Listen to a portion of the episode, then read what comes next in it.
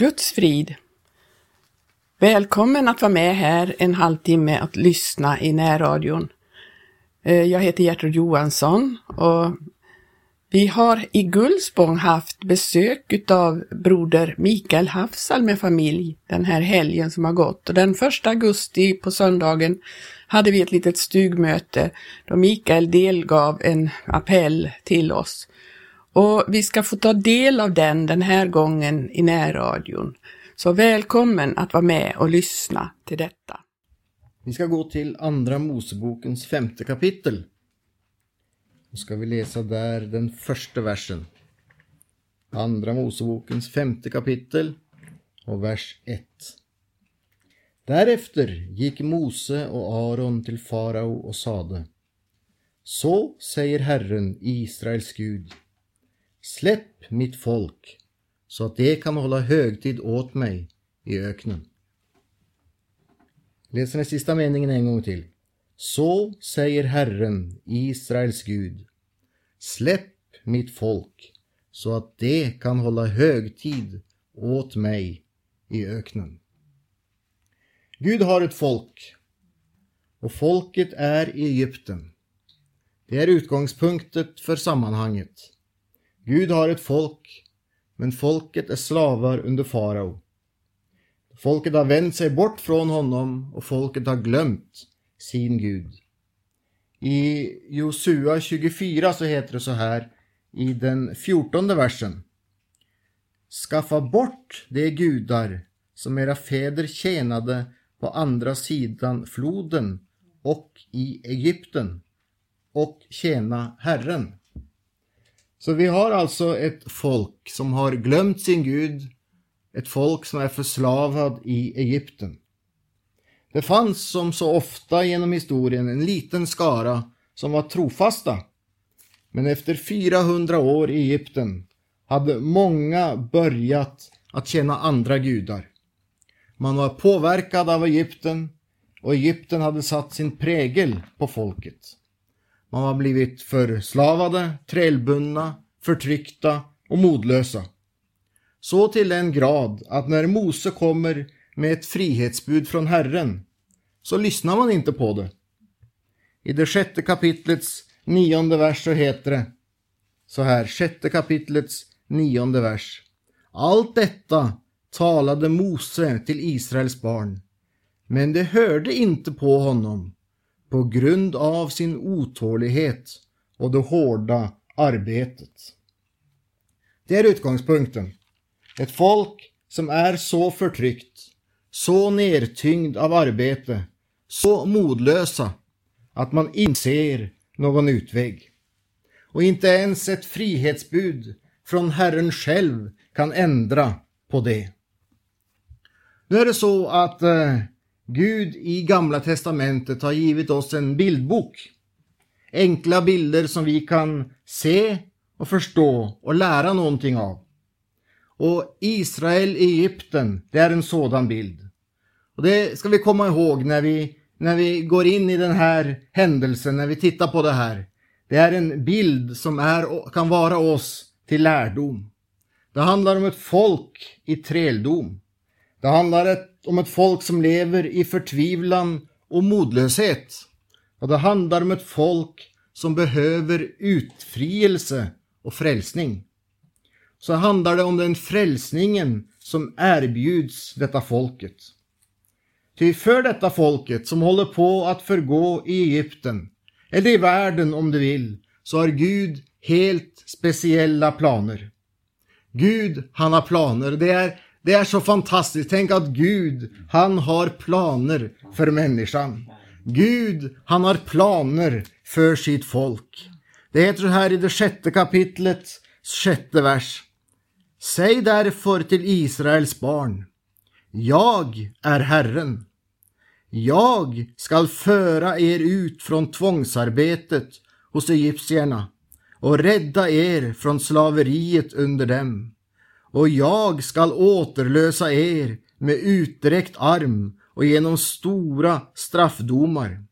Och jag skall ta er till mitt folk och vara er Gud. ni skall få erfara att jag är Herren, er Gud, han som för er ut från slavarbetet hos egyptierna. Det är Gud som talar, det är Gud som har planer, det är Gud som har tankar för det här folket. Jag skall föra er ut. Jag skall rädda. Jag skall återlösa.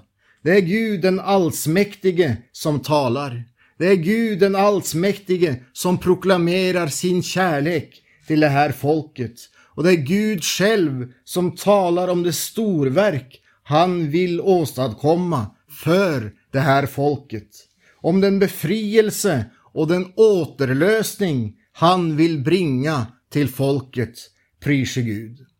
Och Gud, han identifierar sig med det här folket. Även om folket hade varit trolöst. När Gud kallar Mose så säger han så här. Jag har sett mitt folks förtryck i Egypten. Jag har hört hur det ropar över sina plågare. Jag känner till deras lidande. Och Gud säger inte att de har klagat till honom. Men Gud har ändå sett och Gud har ändå hört och Gud känner ändå till. Och så fortsätter Gud så här i det tredje kapitlets åttonde vers. Och så säger han så här. Därför har jag stigit ner för att rädda dem, prise Gud. Därför har jag stigit ner. Det är vilket evangelium, prise Gud. Därför har jag stigit ner. Gud själv, prise Gud, har stigit ner för att befria ett trälbundet folk. För att ropa ut frihet för den fångne. För att ge syn till de blinda och för att ge det betryckta frihet och för att predika ett nådens år ifrån Herren. Därför, det är Gud själv som talar, därför har jag stigit ned för att rädda.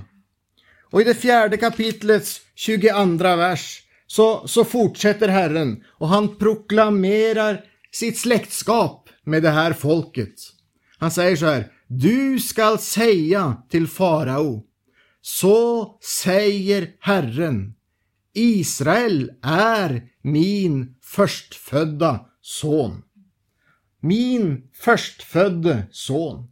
Släpp min son, säger Herren, släpp mitt folk. Han vet att det är hans folk. Han har rätten till folkets trohet.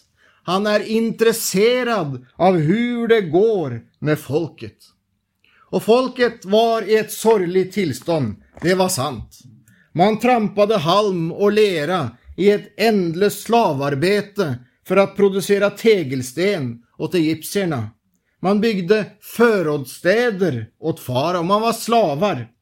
Förtryckta på ett så förfärligt sätt att man underkastade sig vad helst slavdrivarna kommanderade. Och när, när befrielsesdagen upprann så var man så utan hopp att man inte ens kunde tänka sig möjligheten för befrielse. Det var för folket såväl som för, för egyptierna en omöjlighet. Hoppet om frihet, det var utplånat, borta från tanke och sinne. Men till trots för denna hopplösa situation så var folket, och det är under över under, så var folket fortsatt älskat av Gud i himlen, pris Gud. Fortfarande högt älskad av Gud själv. Och tar du verkligheten och inte förebilden så är det en hopplös mänsklighet som är förslavat under synden, som är utan Gud och utan hopp, men som fortfarande är älskat av Gud. Min son, säger Herren, min förstfödde son. Och vad farao måste ha undrat, vad är det för son? Varför Gud som har en sådan son? Vad är det för Gud som, som vidkänner sig detta folk av slavar som trälar åt mig och som gör tegel för mina städer? Hur kan en Gud kalla detta folk för sin förstfödde, sin arvinge? Vi egyptier, vi är ju, vi är ju stolta av våra söner, av våra förstfödda. Men, men vad har den här guden att visa fram? Det är slavar som trälar åt mig. Men Gud, han talar med stolthet om sitt folk. Det är min son, min förstefödde. Det talar om en kärlek som ser bortanför det uppenbarligen hopplösa yttre. Som ser, det talar om en kärlek som, som ser någonting av värde där andra bara ser hopplöshet. Det Gud han säger om det här folket, Israel är min förstfödde son. När eh, profeten Jesaja skriver ned Hiskia ord eh, så målar han upp för oss Herrens kärlek. Och så säger han så här, i din kärlek räddade du mig från förintelsens grop. I din kärlek. Det är Guds, så är Guds kärlek. Det är en räddande kärlek. I din kärlek räddade du mig från förintelsens grop. Och så var Guds kärlek för Israel i Egypten. Och så är Guds kärlek för hans församling idag. Och Gud han identifierar sig alltså med sitt folk medan man fortfarande var slavar i Egypten. Även om folket inte kunde tro, även om folket var modlösa, så var Herren trofast. Det här folket, de hade ingenting i form av egna gärningar. Men Gud han säger ändå, det är mitt folk. Han säger inte endast det är mitt folk, han säger det är min son. Det är faderns kärlek för sonen. Det är en gammaltestamentlig uppenbarelse av lignelsen om den återfunne sonen, där fadern tar emot honom med öppna armar. Det är Israel, min förstfödde, min son. Du farao, du kan kalla honom för slav. Men när Herren talar, när Herren ser på folket, så säger Gud om folket, det är Israel, min förstfödde son. Han har ett rättmässigt krav till folket. Det är min son, säger Herren. Och i 2.25 så läser vi så här. I 2.25 där heter det så här. Och Gud såg till Israels barn och Gud kändes vid dem som sina. Pris Gud. Gud kändes vid dem som sina. Och jag tror alla vi, vi känner den här bilden och ser den här bilden. Där död och djävul har sitt herradöme och regerar över människan.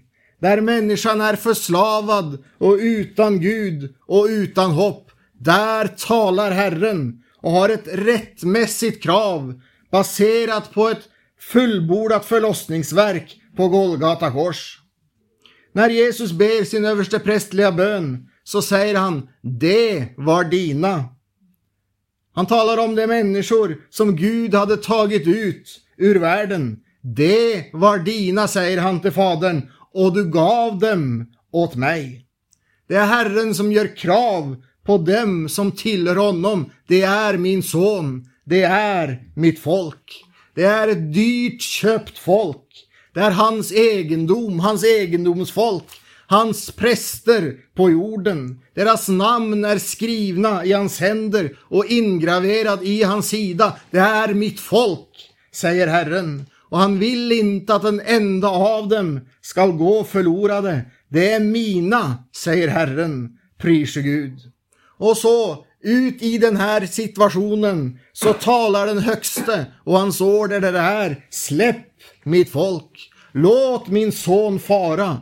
Prise Gud. I berättelsen om kosmos så är det Herrens ord som ljuder. Var det ljus och det blev så. Det är en kort befallning men med en enorm kraft bakom. Var det ljus och det blev så. Så också i berättelsen om uttåget. Släpp mitt folk. Det är tre ord. Släpp mitt folk.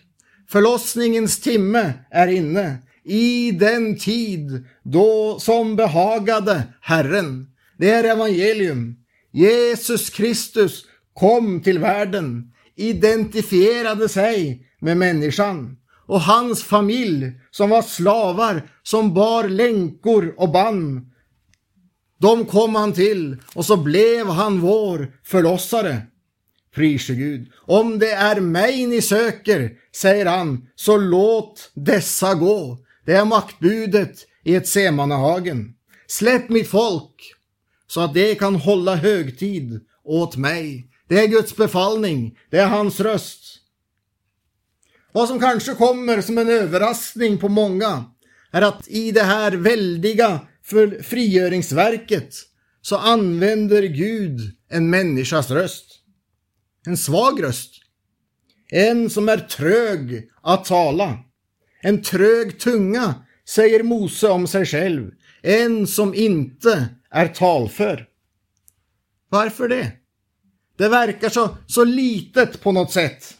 I mitt i det här stora och väldiga från den allmäktiges röst som sönderbryter Libanons sedrar till Mose röst. Herre, jag är ingen talför man. Varför, varför talar inte Herren bara direkt till farao och befaller med en röst som, som får fara ner på knä omedelbart och som, som tvingar han att skicka iväg folket och, och, och, och, och skicka med han de soldater för att vakta dem på vägen till kanan. Och varför talar inte Gud till varje människa?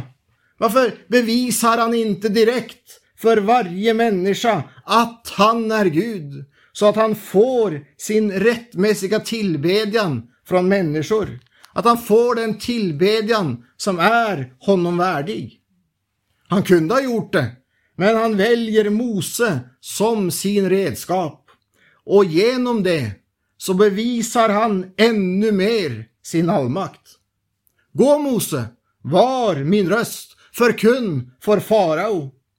Och när han kan använda ett så svagt redskap för att förverkliga en så enorm plan, se hur stor hans makt är i det, prise Gud. Han vill att alla människor ska bli frälsta. Men han talar inte personligt med ansikte mot ansikte med varje människa och övertalar dem att tro på honom. Han använder svaga redskap. Han skickade sina apostlar. Han har använt enkla redskap upp igenom historien. Och idag är det vi, du och jag, som har stafettpinnen. Jag tror det är sista sträckan. Det är, men vi är hans redskap idag. Redskap som är totalt inadekvata för uppgiften. Det är sant. Helt utan förutsättning i oss själva för att förverkliga uppdraget. Det är också sant.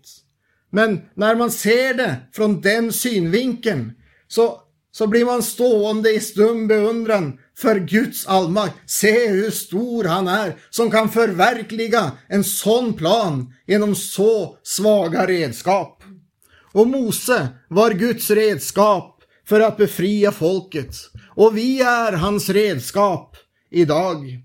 Och när man ser den sammanhangen så förstår man att när evigheten kommer och vi ska lovsjunga lammet där hemma så kommer evigheten att ge genljud med orden Vår Gud, han har gjort stora under. Och man ser att han med så enkla och så svaga redskap har gjort sådana fantastiska under. Då kommer han att lovprisas i evighet. Vår Gud, han har gjort stora under. Prise Gud. Av barn och spädbarns mun har du upprättat en makt det är sanning i orden till att förgöra fiende och hämnare. Så stor en Herre och frälsare har vi. Det är han som gör underverk. Prise Gud. Och nu kommer Guds ord, släpp mitt folk. Han identifierar sig med sitt folk Och han gör det med ett syfte så att det kan hålla högtid åt mig i öknen. Det är en kallelse till ett högtidsstämt liv så att de kan hålla högtid åt mig. Och i det åttonde kapitlet så säger han i den första versen så säger han här Släpp mitt folk så att de kan hålla gudstjänst åt mig. Det är en kallelse till ett liv i tjänst för honom så att de kan tjäna Gud med sina liv. Släpp mitt folk.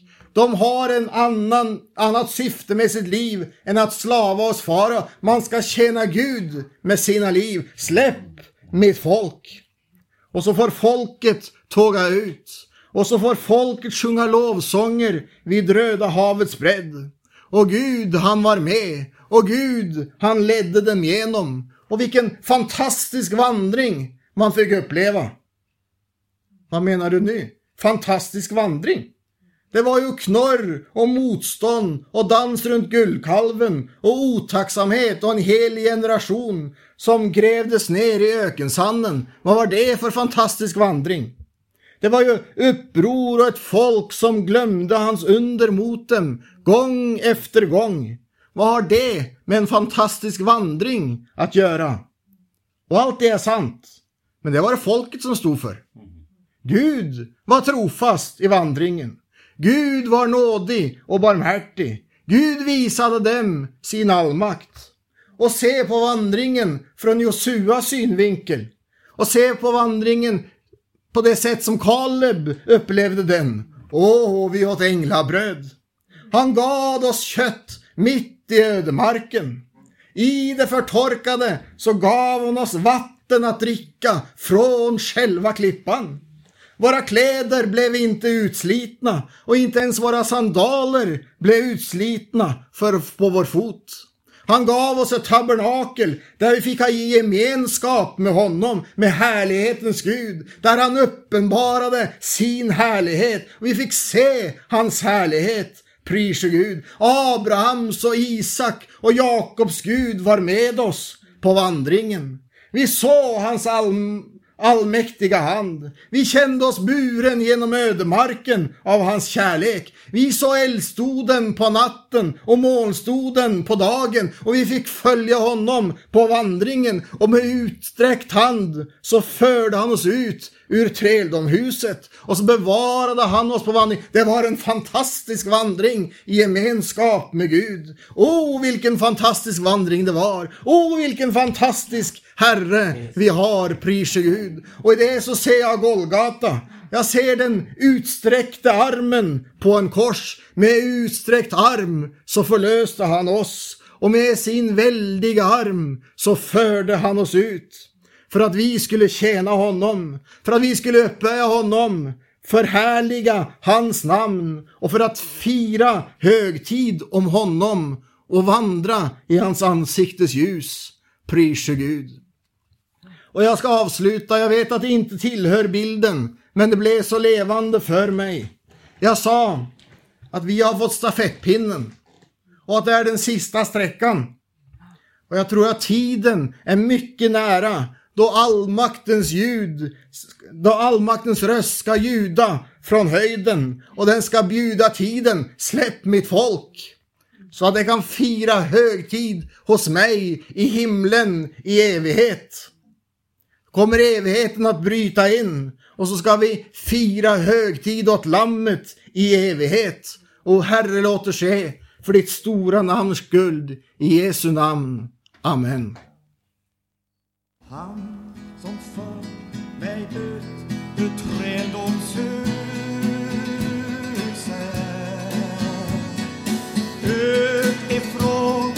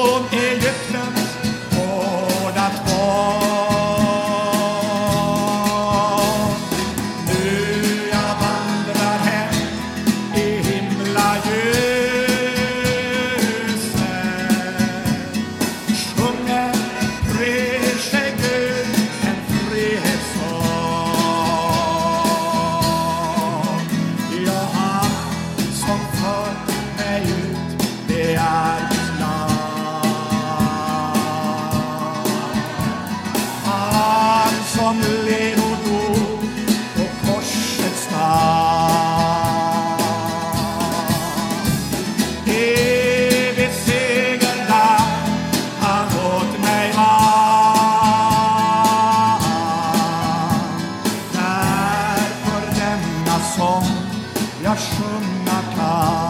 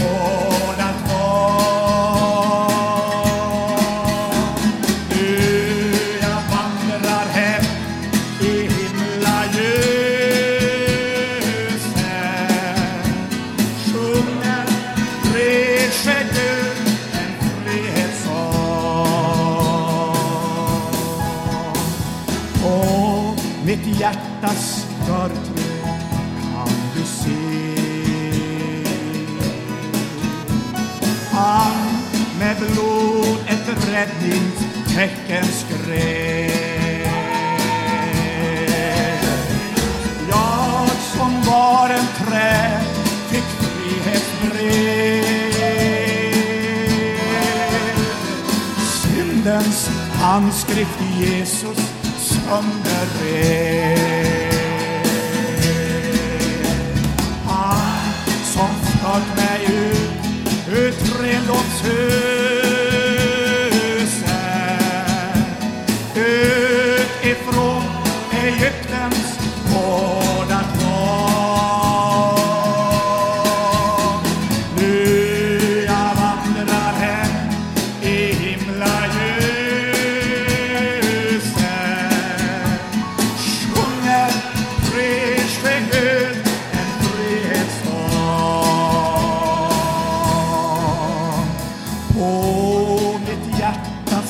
förträd kan du se.